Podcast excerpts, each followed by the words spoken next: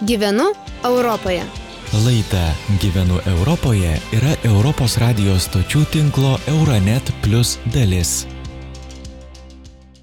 Sveiki žinių radio klausytojai, su jumis Jonė Saligaitė. Suėjo treji metai, kaip Uhane fiksuoti pirmieji neiškios kilmės pneumonijos atvejai ir praėjus keliams mėnesiams lyga tapo žinoma kaip COVID-19. Ar išmokome kovoti su pandemijomis bei kokios rizikos laukia ateityje? Apie tai pasikalbėsime su Europos sveikatos ir tvarios plėtros instituto ekspertu, pasaulio sveikatos organizacijos specialiuoju pasiuntiniu Europos regionui, Viteniu Povilu Andriukaičiu. Sveiki. Sveiki. Skaičiuojame trejus metus nuo COVID pradžios. Jūsų nuomonė, ar konkrečiai Europos regionas per šį laiką išmoko kovoti su pandemija? Tiesą pasakius, dar mokosi. Ir ne tik Europos regionas, ir, bet ir visas pasaulis. Jūs žinote, kad uh, skaičiai praradimai yra sunkus, kraupus. Mes iš viso Europos regione netekome dviejų milijonų šimto trisdešimt su virš tūkstančių žmonių per tuos praktiškai du su pusę metų. Žinoma, užsikrėtimų skaičiai buvo milžiniški Europos regione. 264 milijonai žmonių užsikrėtė, bet tai yra tik diagnozuoti. Tik diagnozuoti. Kitaip sakant, mes negalim pasakyti, kiek iš viso užsikrėtimo buvo, koks milžiniškas yra inkubacinis laukas virusui, kuris galėjo mutuoti, keistis ir e, taip toliau. Bet e, suprantama, kadangi Europos regionas 503 valstybės labai skirtingos ir mes suprantam, kad ko gero tie skaičiai yra žymiai didesni, nes laboratoriniai pajėgumai, nustatymas, visa kita ne, negali patikslinti. Kita vertus, aišku, visiškai akivaizdžios pamokos, bet to, kurios ir dabar vyksta tos pamokos, dabar mes turime dar baisesnę situaciją negu turėjome prieš tris metus. Tai visų pirma baisus nuožmus karas rusijos prieš ukrainą. Ir ir įsivaizduokite šiuo atveju infekcinis fonas a žmonių kurie gyvena be elektros be vandens be maisto šaltyje. Tai čia jau paprastų virusinių susirgimų gripo peršalimo pneumonijų skaičiai auga kaip ant mielių o o ką kalbėti dabar apie tai kaip galima valdyti kovido diagnostiką vien ukrainos teritorijoj kur yra dešimtys milijonų žmonių? Tai akivaizdu kad mes ne neišpasakytai sunkią situaciją turim.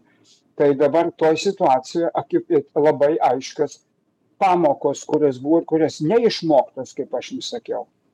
O būtent išties yra e, labai prasti valstybių tarpusavio bendradarbiavimo mechanizmai ypač aš kalbu apie tas valstybes kurios nekariauja. Turiu minty europos sąjungos valstybes turiu minty vidurinės azijos kaukazo valstybes turkiją izraelį e, kur kur išties galima bendrauti nes nes ten nėra karinių veiksmų bet jau nekalbu apie tą žiaurią situaciją kurią sukėlė rusija tai ten kalbėti apie bendradarbiavimą nėra absoliučiai jokios prasmės reiškia ten yra katastrofa.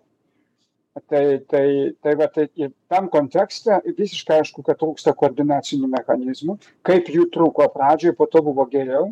Dabar vėl yra labai toks nu pabyrėjęs laukas europos regione turiu minty ir ir visi puikiai suprato kad tas du tūkstančiai penktų metų patvirtinta pasaulinė konvencija kovai su sveikatos grėsmėmis tas vadinamas tarptautinis reglamentas visi manė kad jis kiekvienoj šaly yra įgyvendintas. Nes šalys raportavo pasaulio sveikatos organizacijos europos regiono biuras turi visas ataskaitas viskas gerai raportuota taip toliau. Bet kai kovidas pratrūko du tūkstančiai dvidešimtų metų pradžioj pasirodė kad viskas popieriuj ir tada matėsi kad trūksta ir lovų ir pajėgumų ir medicininio personalo. Trūksta ir apsaugos priemonių net jau nekalbu apie kaukes ir taip toliau reiškia. Tai tas tas a apsaugančių priemonių sąrašas kuris visoms šalims buvo pateiktas pasirodė buvo popieriuj jis ir dabar yra su trūkumais. Tai vadinasi koordinaciniai mechanizmai jie negali būti tokie kad žinot kai buvo bėda tai truputį pagerėjo po to lyg tai kovidas perėjo į omikrono stadiją ir lyg tai didelėj daly šalių taip sakyt yra tokio nusiraminimo bet tai nekeičia esmės koordinaciniai pajėgumai ir toliau lieka su trūkumais. Toliau akivaizdu, kad yra labai sudėtinga situacija su teisiniu reglamentavimu. Daugelio valstybių teisinės normas ir teisinis reglamentavimas yra labai skirtinga. Tas pakerta tikėjimą e, tuo, kad yra gal, gana vieninga strategija. Ir jeigu vienas šalis ten vienaip sprendžia, kitos kitaip, trečios dar trečiaip, ketvirtos nekreipia dėmesio, tai įsivaizduokit, kokia nuomonė viešojoje erdvėje. Žmonės ima netikėti. Tai pasitikėjimas koordinaciniam priemonėm krito. Aš jau nekalbu apie tai, kad po to prasidėjo pačios įvairiausios socialinių tinklų interpretacijos, jos yra suprantamos, kasgi uždraus žmonėm rašyti savo nuomonės arba imti įvairius straipsnius iš vieno ar kito mokslinio žurnalo ir iš jų daryti išvadas. Ir tada tikėjimas ir vakcinavimo priemonėm, pasitikėjimas ir hygieniniam priemonėm, pasitikėjimas e, įvedamais apribojimais, nu, sumažėjo. Tai ką reikėjo daryti, ką reikėjo daryti kitaip, na, kad ta dezinformacija apie skiepus, na, taip stipriai neišplistų, nes dabar jau matom, kad žmonės vengia skiepytis ne tik nuo COVID, bet jie pradėjo vengti skiepyti, pavyzdžiui, savo vaikus nuo lygų, kurios, na, nuo kurių visą laiką buvo tie skiepijimo e, standartai aukšti. Tai kodėl taip nutiko ir ką reikėjo Matot, daryti kitaip? nu matot, planas yra paruoštas. Jeigu visi užeitų į Pasaulio sveikatos organizacijos, Europos regiono biuro puslapius, ten yra net puslapiai skirti kovai su infodemija. Kitaip sakant, e, kas yra klaidinga informacija, kas yra melaginga informacija, kas yra informacija, kurios dar negalim žinoti, čia skirtingi dalykai. Juk mes negalime sakyti net ir klausimą, kokios yra ilgalaikės persirgus COVID pasiekmes. Dabar tik klinikiniai duomenys kaupėsi. Ir dabar kaupėsi įvairiose šalyse, kitaip sakant, pasaulio sveikatos organizacija dar nėra galutinai paskelbusi, kokios yra komplikacijos, persirgus ir kas bus vėliau per trumpas laikas. Kitaip sakant, yra objektyvus informacijos tokos elementas, kurį žmonės turi suvokti, bet yra klaidinanti informacija ir, ir tai antra dalis klaidinanti, kai žmonės pasiskaito įvairių straipsnių, po to patys rašo savo teorijas, neturėdami jokio tam pagrindo, nei būdami specialistai, nei, nei, nei žinodami, kaip sakyti, esmę pagal specialybę. Ir trečia yra melagienos, kurios samoningai leidžiamos į eterį tam, kad tomis melagienomis paveik žmonių pasitikėjimą. Tai infodemijos šitas valdymas, jis, tas planas pateiktas.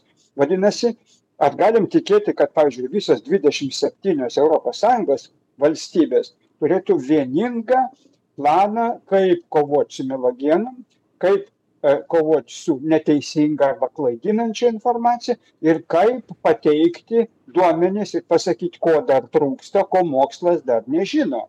Nes, nes tai akivaizdu, kad mes negalim dabar dar žinoti visų problemų.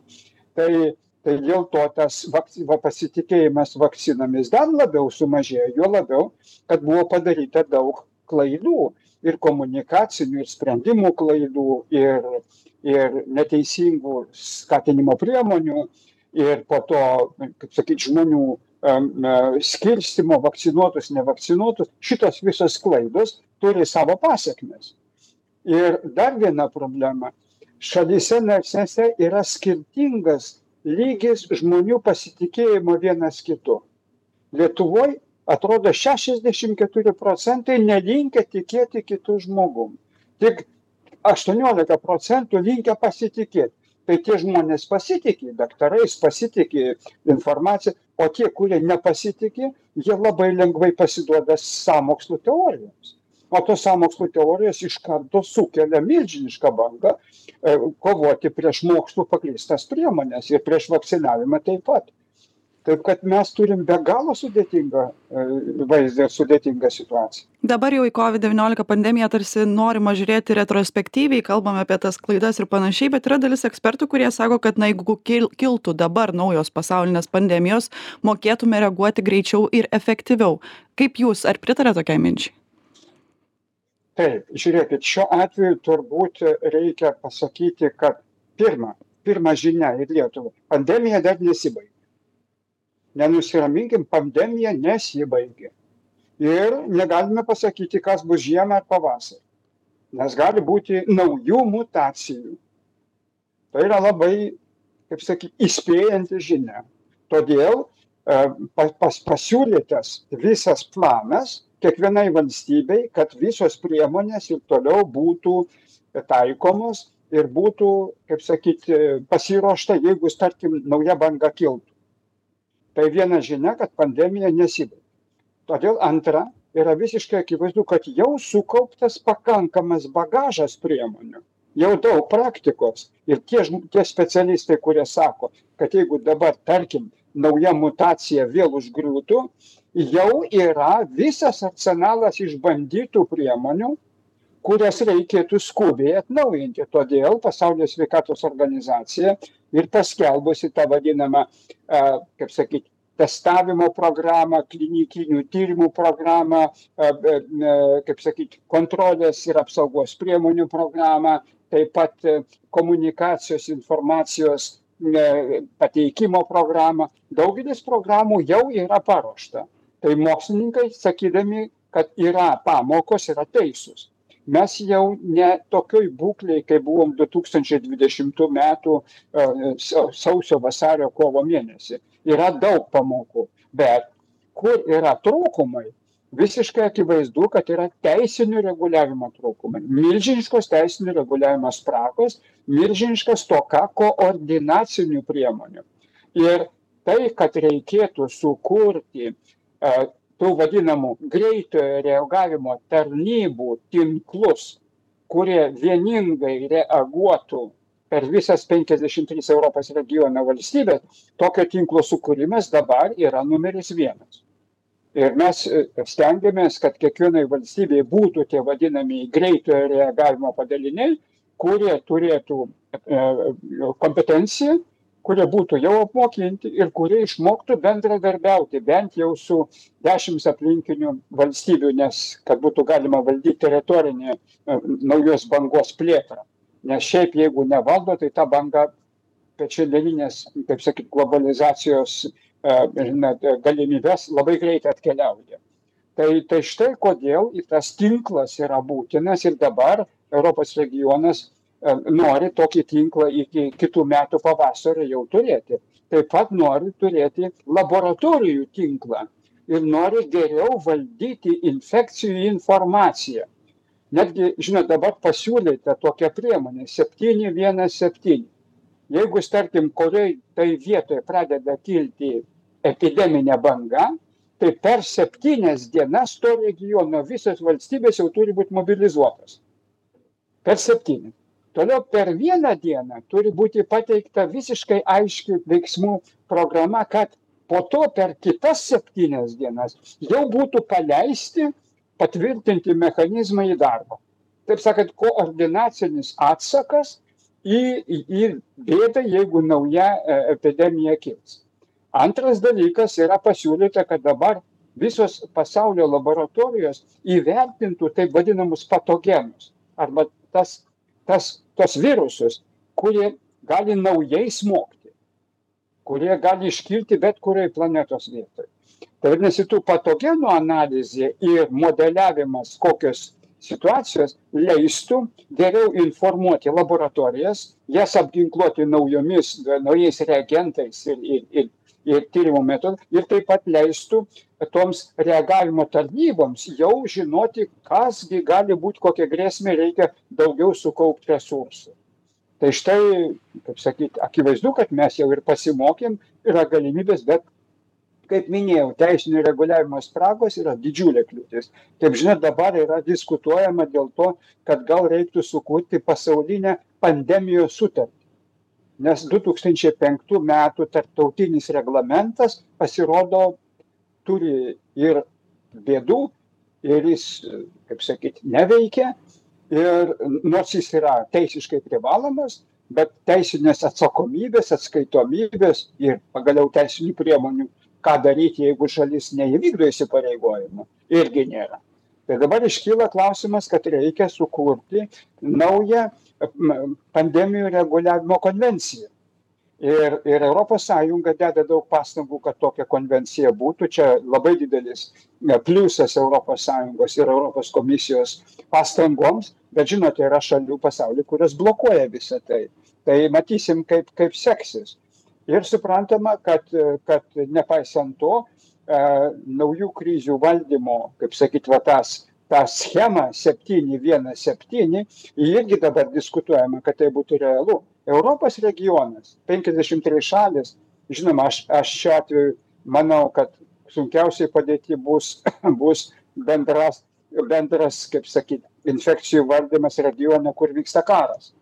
Mes suprantame, kad mes šiuo atveju Ukrainai turim padėti be galo daug stipriau negu bet kokiai kitai šaliai. Daug stipriau.